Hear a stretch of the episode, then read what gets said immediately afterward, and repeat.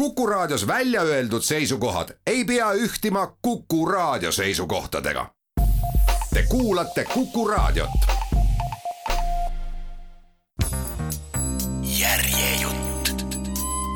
Yoko Ogava, kustunud mälestuste saar, jaapani keelest tõlkinud Alari Allik, Postimehe kirjastuselt. raamatu väljaandmist toetab Eesti Kultuurkapital. järjejutt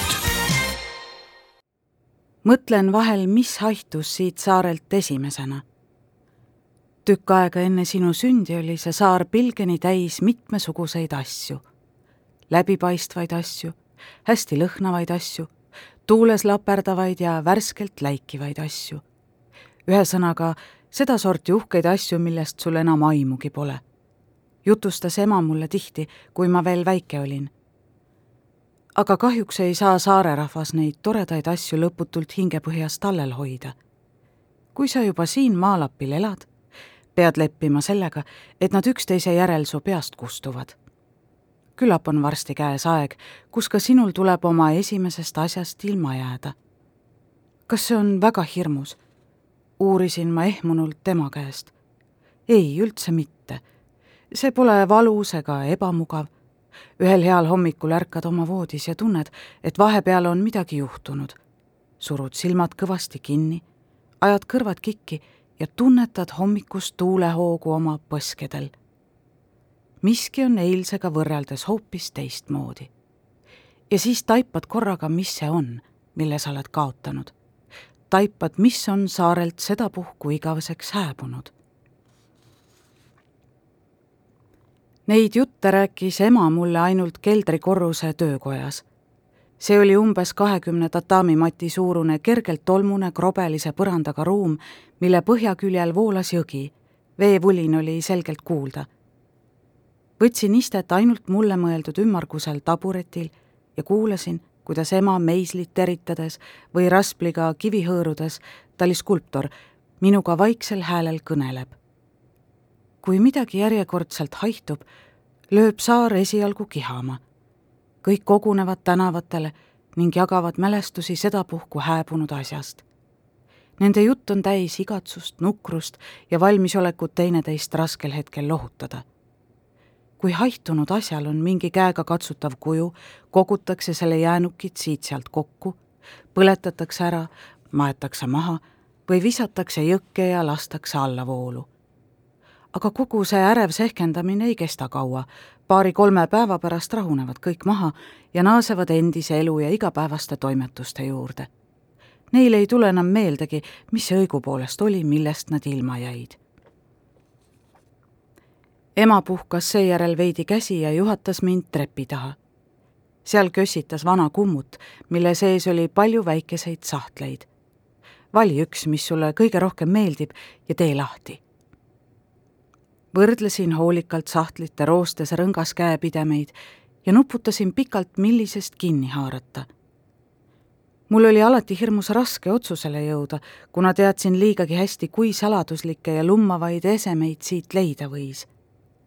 ema oli nimelt mitmed saarelt kaduma läinud asjad salaja kummutisse ära peitnud. võtsin end viimaks kokku ja valisin ühe rõnga välja kui ma sahtli lahti sikutasin, asetas ema ühe eseme naeratusega oma peopesale.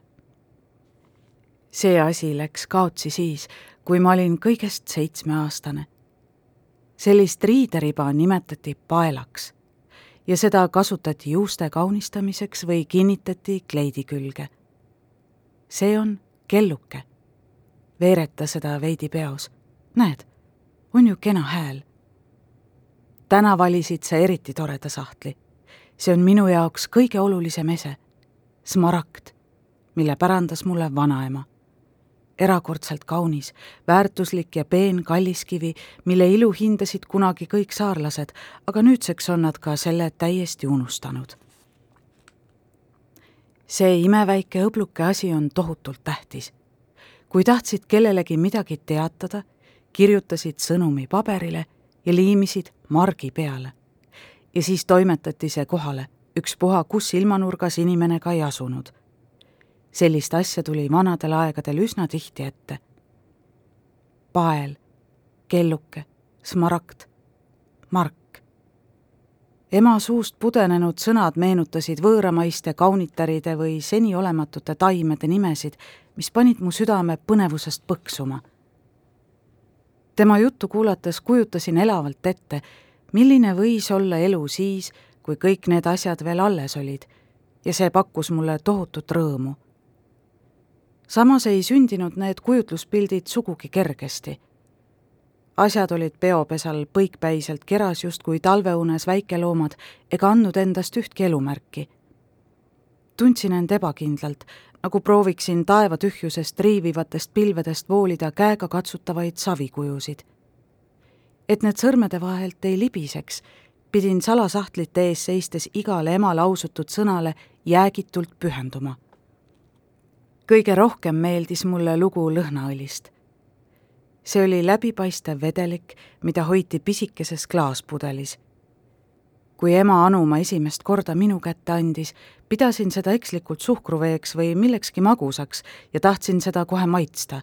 oot, see pole joomiseks, ütles ema kähku ja naeris.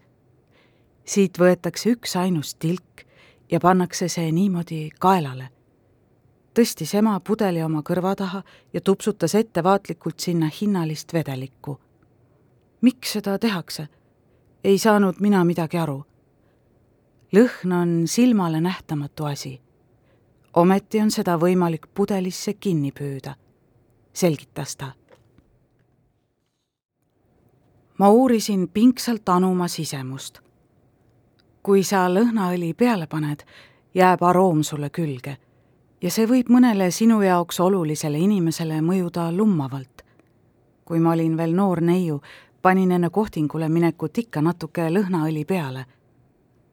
Leida armsale mehele meeldiv lõhn oli minu jaoks sama oluline kui kaunite riiete valimine. see siin ongi lõhnaõli, mida ma panin peale iga kord, kui sinu isaga kokku sain alatihti toimusid meie kohtamised lõunakünka nõlval laiuvas roosiaias mistõttu pidin hirmsasti vaeva nägema, et leida midagi, mis ei jääks sealsete õite tugevale aroomile alla.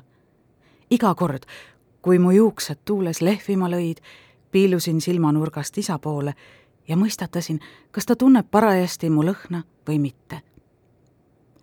lõhnaõlist rääkimine tekitas emas kõige rohkem elevust. tol ajal suutsid veel kõik inimesed head lõhna tunda ja kõik said aru, kui suurepärane see on. aga nüüd pole enam keegi selleks võimeline. lõhnaõli ei müüda ka enam kusagil. kellelgi pole sellise asja järele vajadust. See haihtus tol sügisel, kui ma su isaga abiellusin. kõik võtsid oma tillukesed pudelid kaasa ja kogunesid jõe kaldale. seejärel tõmbasid nad korgid pealt ja kallasid sisu vette oli ka neid, kes ei suutnud kuidagi armsast pudelist loobuda ja hoidsid seda kramplikult nina ääres. aga ka nemad olid ühes teiste saarlastega kaotanud võime lõhna tunda. Koos hõnguga kadusid ühtlasi kõik mälestused, mis sellega seotud olid. lõhnaõlist oli saanud tühipaljas vesi, millest polnud mingit kasu. jõgi haises hingematvalt paar-kolm päeva takkajärele, isegi mõned kalad surid ära aga inimesed ei teinud märkamagi, sest võime tajuda lõhna oli inimeste teadvusest jäägitult kadunud. ema silmad muutusid loo lõpus väga nukraks. Ta võttis mind põlvele ja lasi mul nuusutada lõhna oma kaelal. noh, kuidas on? küsis ta. ma ei osanud vastata. oleksin justkui midagi lõhna sarnast tundnud see miski oli täiesti erinev näiteks kõrbenud saiast või kloorisest basseiniveest. aga ma ei osanud seda ähmast aistingut kuidagi sõnadesse panna. pinguta palju tahad, midagi enamat pähe ei karga. Kuna ma ei lausunud kippu ega kõppu, ohkas ema veidi pettunult. Pole hullu. ma saan väga hästi aru, et sinu jaoks on see kõigest tilk üsna tavalist vett. mis teha siin saarel on pea võimatu meenutada asju, mis on kord juba haihtunud. Nende sõnadega pani ema lõhnaõlipudeli sahtlisse tagasi. Kui keldriateljee kell lõi täpselt üheksa korda, pidin lastetuppa tagasi minema ja magama heitma. ema võttis peitli ja haamri ning asus tööle. katusakna taga triivis pool kuu. kui ta mind head ööd soovides suudles, julgesin talt lõpuks küsida seda, mis oli mul tükk aega südant vaevanud. miks sul kõik need asjad nii hästi meeles on, mida kõik teised on unustanud? Kuidas sa ikka veel tunned lõhnaõli lõhna, kui teised enam seda ei suuda?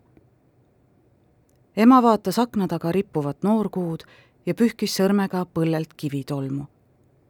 mõtlen ka ise sellele tihti, ütles ta veidi käheda häälega.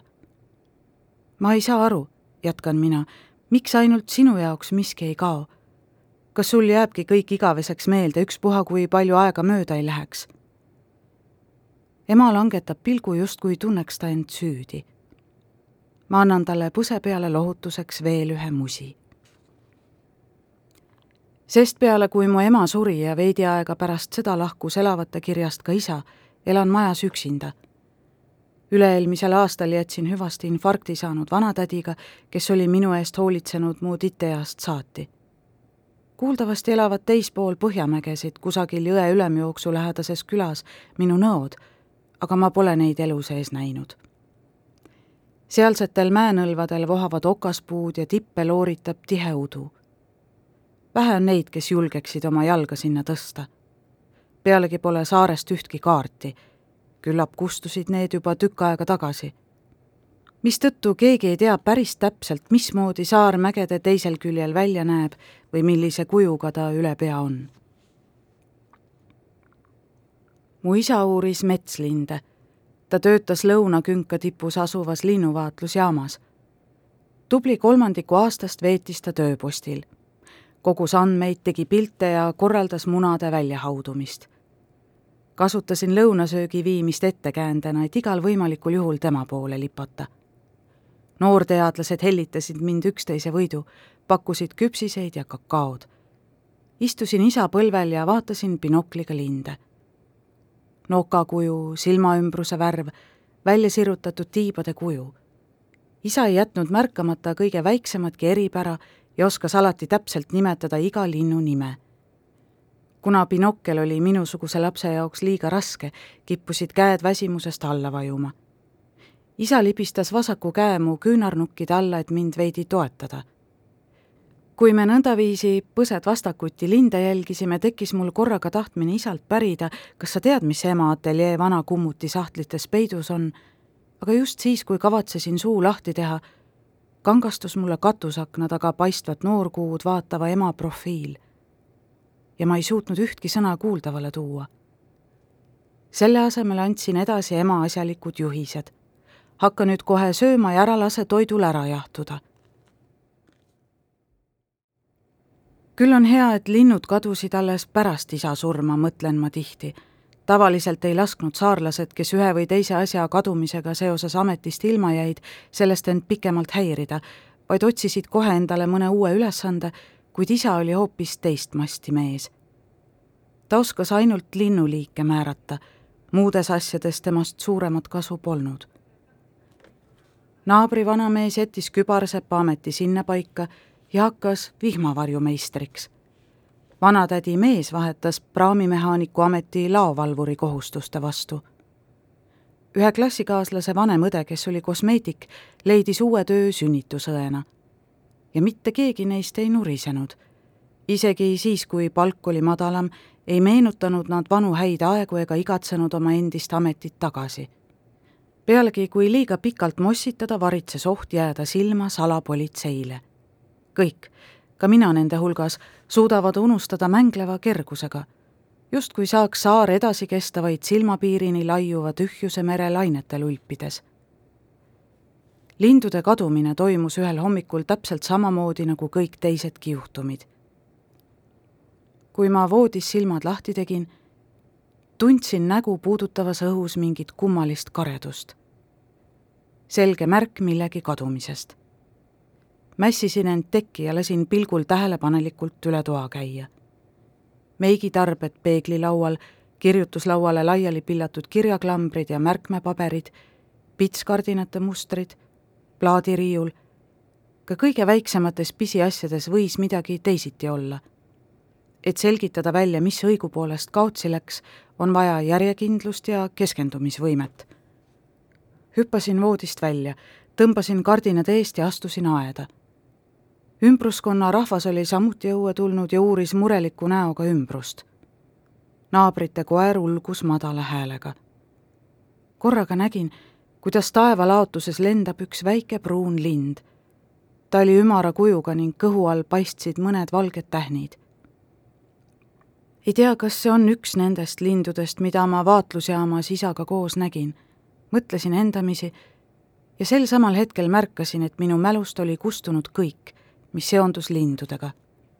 sõna lind tähendus, lindudega kaasnevad tunded ja mälestused. ühesõnaga, kõik oli nagu peoga pühitud. ah, seekord siis läksid linnud, ühmas vanamees, kes oli enne olnud kübarsepp kui linnud, siis pole hullu. Pole vist kedagi, kes nende pärast üleliia südant valutaks. Nad ei tee ju suurt midagi, lendavad niisama taevas ringi. Ta kohendas salli kaelal ja aevastas vaikselt. kui meie pilgud kohtusid, paistis talle korraks meenuvat, et mu isa uuris metslinde.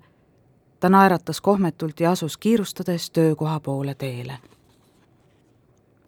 kui kaotsi läinu oli selgunud, paistsid inimesed viimaks rahunevat. Nad pöördusid oma tavapäraste hommikuste toimetuste juurde. mina üksi jäin ainitise pilguga taevast vaatama. Pisike pruun lind joonistas taevasse suure sõõri ja suundus seejärel üha väiksemaks muutudes põhja poole. ma ei suutnud kuidagi meenutada, mis liiki lind see võis olla kahetsesin väga, et polnud isaga koos vaatlusjaamas binokliga linde uurides vaevunud nende nimesid korralikult meelde jätma. proovisin kogu jõust midagi sellest linnust, kas tema iseäralikud tiivalöögid, säutsumise või värvitooni endas alles hoida, aga kõik oli asjatu. lind, kes pidi peitma endas kõiki mälestusi isaga koos veedetud ajast, ei tekitanud enam mingeid sooje tundeid ta oli lihtsalt üks paljudest elusolenditest, kes oskas tiibu üles-alla liigutades läbi õhu liikuda. lõunapaiku linnaturule sisseoste tegema minnes nägin siin-seal linnupuuridega inimesi, kes tänavanurkadele kogunesid. papagoid, riisiaamadiinid ja kanaarilinnud paistsid midagi aimavat ja väristasid puurides ärevalt tiibu Nende omanikud vaatasid sõnatult ringi näol veidi äraolev ilme paistis, et nad polnud seekordse kadumisega jõudnud veel päriselt harjuda. igal neist oli oma viis linnuga hüvasti jätmiseks. mõni hüüdis lemmiku nime, mõni surus tiivulise vastu oma põske, mõni lasi linnule enda huulte vahelt maiustusi nokkida. Kui need rituaalid läbi said, tegid kõik üheskoos uksed lahti ja hoidsid puure avatuna taeva poole linnud olid segaduses ja tegid esialgu omaniku ümber paar närvilist tiiru ning kadusid seejärel silmist, sulandudes sinisesse taevalaotusesse. kui viimanegi lind oli lahkunud, jäi ümberringi kõik haudvaikseks, nagu oleks terve ilmaruum hinge kinni pidanud. tühjad puurid rippu käes, läksid linnupidajad kodudesse tagasi. ja sedasi jõudiski lindude kadumine lõpule järgmisel hommikul juhtus midagi ootamatut. kui ma telekat vaatasin ja hommikusööki sõin, kostis esikust uksekell. kellaheline pealetükkivus andis mõista, et juhtunud on midagi halba.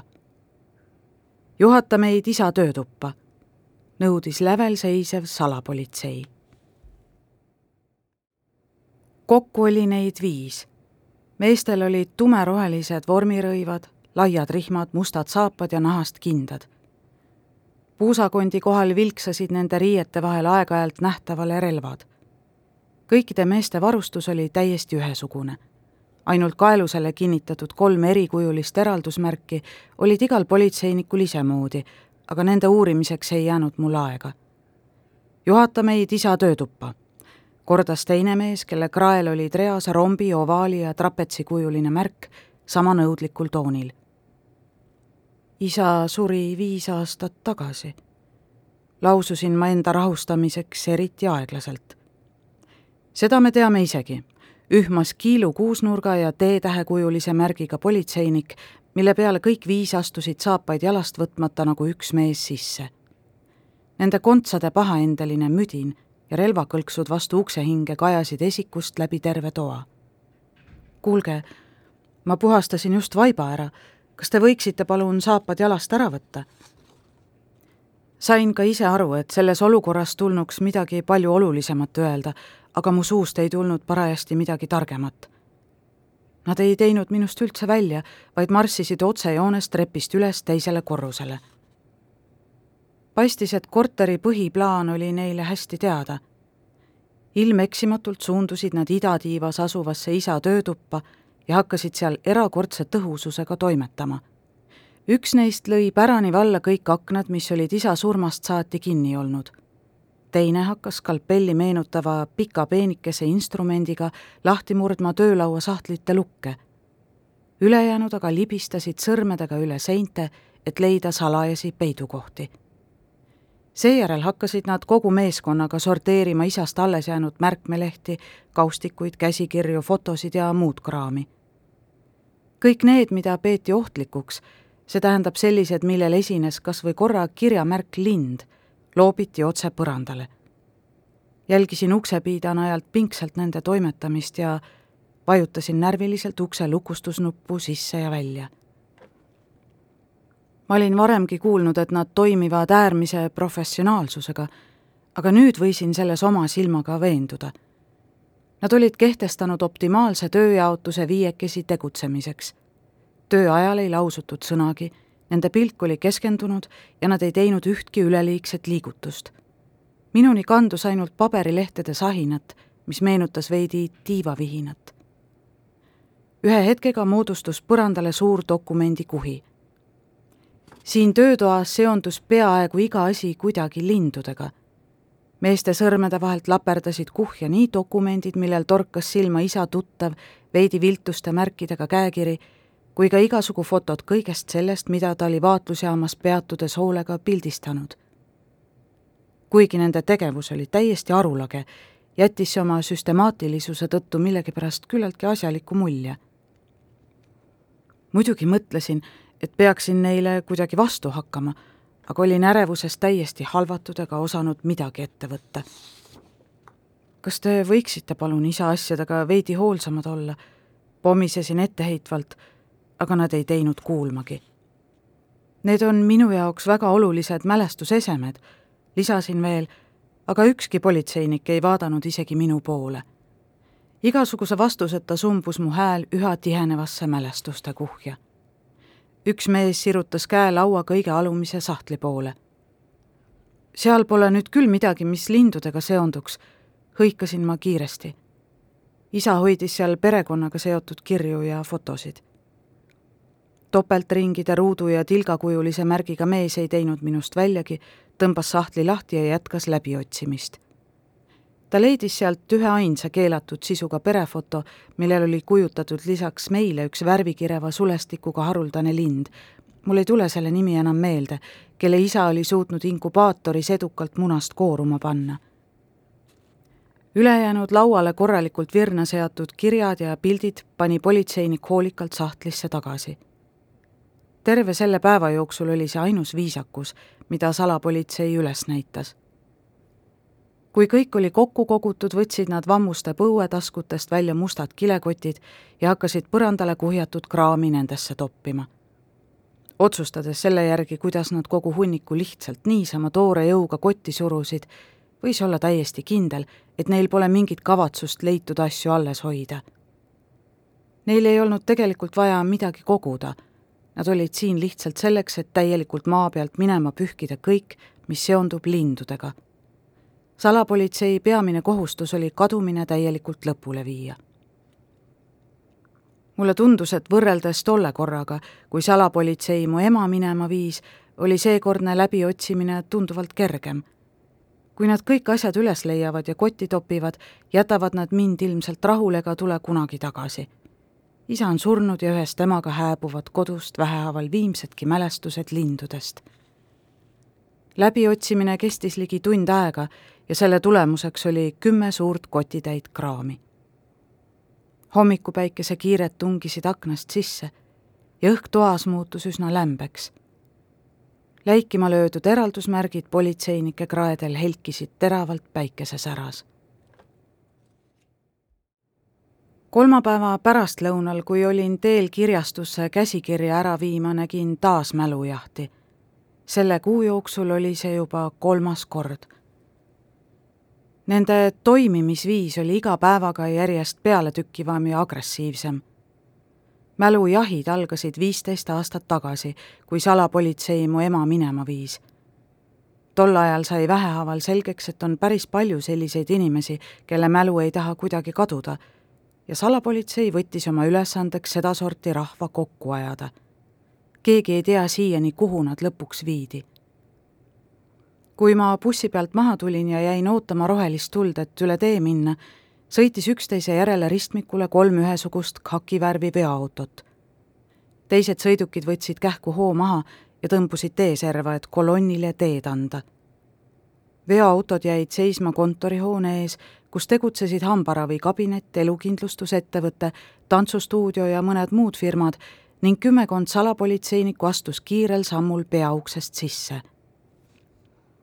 Ümbruses seisatanud inimesed hoidsid hinge kinni mõni lipsas kiiresti kõrvaltänavale peitu.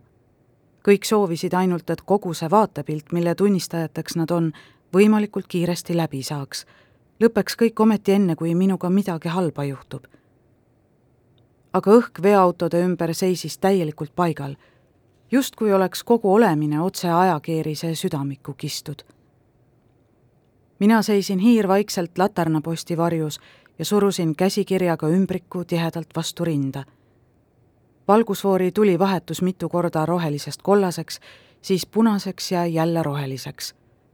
aga ülekäigurada ei ületanud keegi. inimesed silmitsesid mind trammiaknast uurival pilgul. ümbrik oli täiesti kortsu läinud. mõne aja möödudes kostis sammude müdinat. Need olid hämmastavalt korrapäraselt liikuvate salapolitseinike saapakontsade järsud helid, mis segunesid mitme inimese palju pehmemate arglike sammudega. Nad astusid üksteise järel hoone peauksest välja. kaks hilises keskeas härrasmeest, umbes kolmekümnene naine, kes oli juuksed kastanpruuniks värvinud ja varases teismeeas kõhn tüdruk. Kuigi külm talvetuul polnud veel puhumagi hakanud, oli neil kõigil seljas mitu särki, õlgadel mantlid ja kaela ümber mässitud rätikud ja sallid. käes hoidsid nad pungile reisikotte ja kohvreid jäi mulje, et nad olid püüdnud nendesse toppida kõik, mida vähegi vaja võis minna. lahtised nööbid, koti vahelt turritavad riided, sidumata kingapaelad, kõik andis märku sellest, et neil polnud aega pikalt mõelda ja pakkida oli tulnud väga kiiresti. püssitorud vastu selga, asusid nad teele, aga nende näos polnud jälgegi ärevusest. kui nad kaugusesse vaatasid, peegeldus nende pilgus vastu sügaval metsas peituva Soojärve vaikus ja rahu.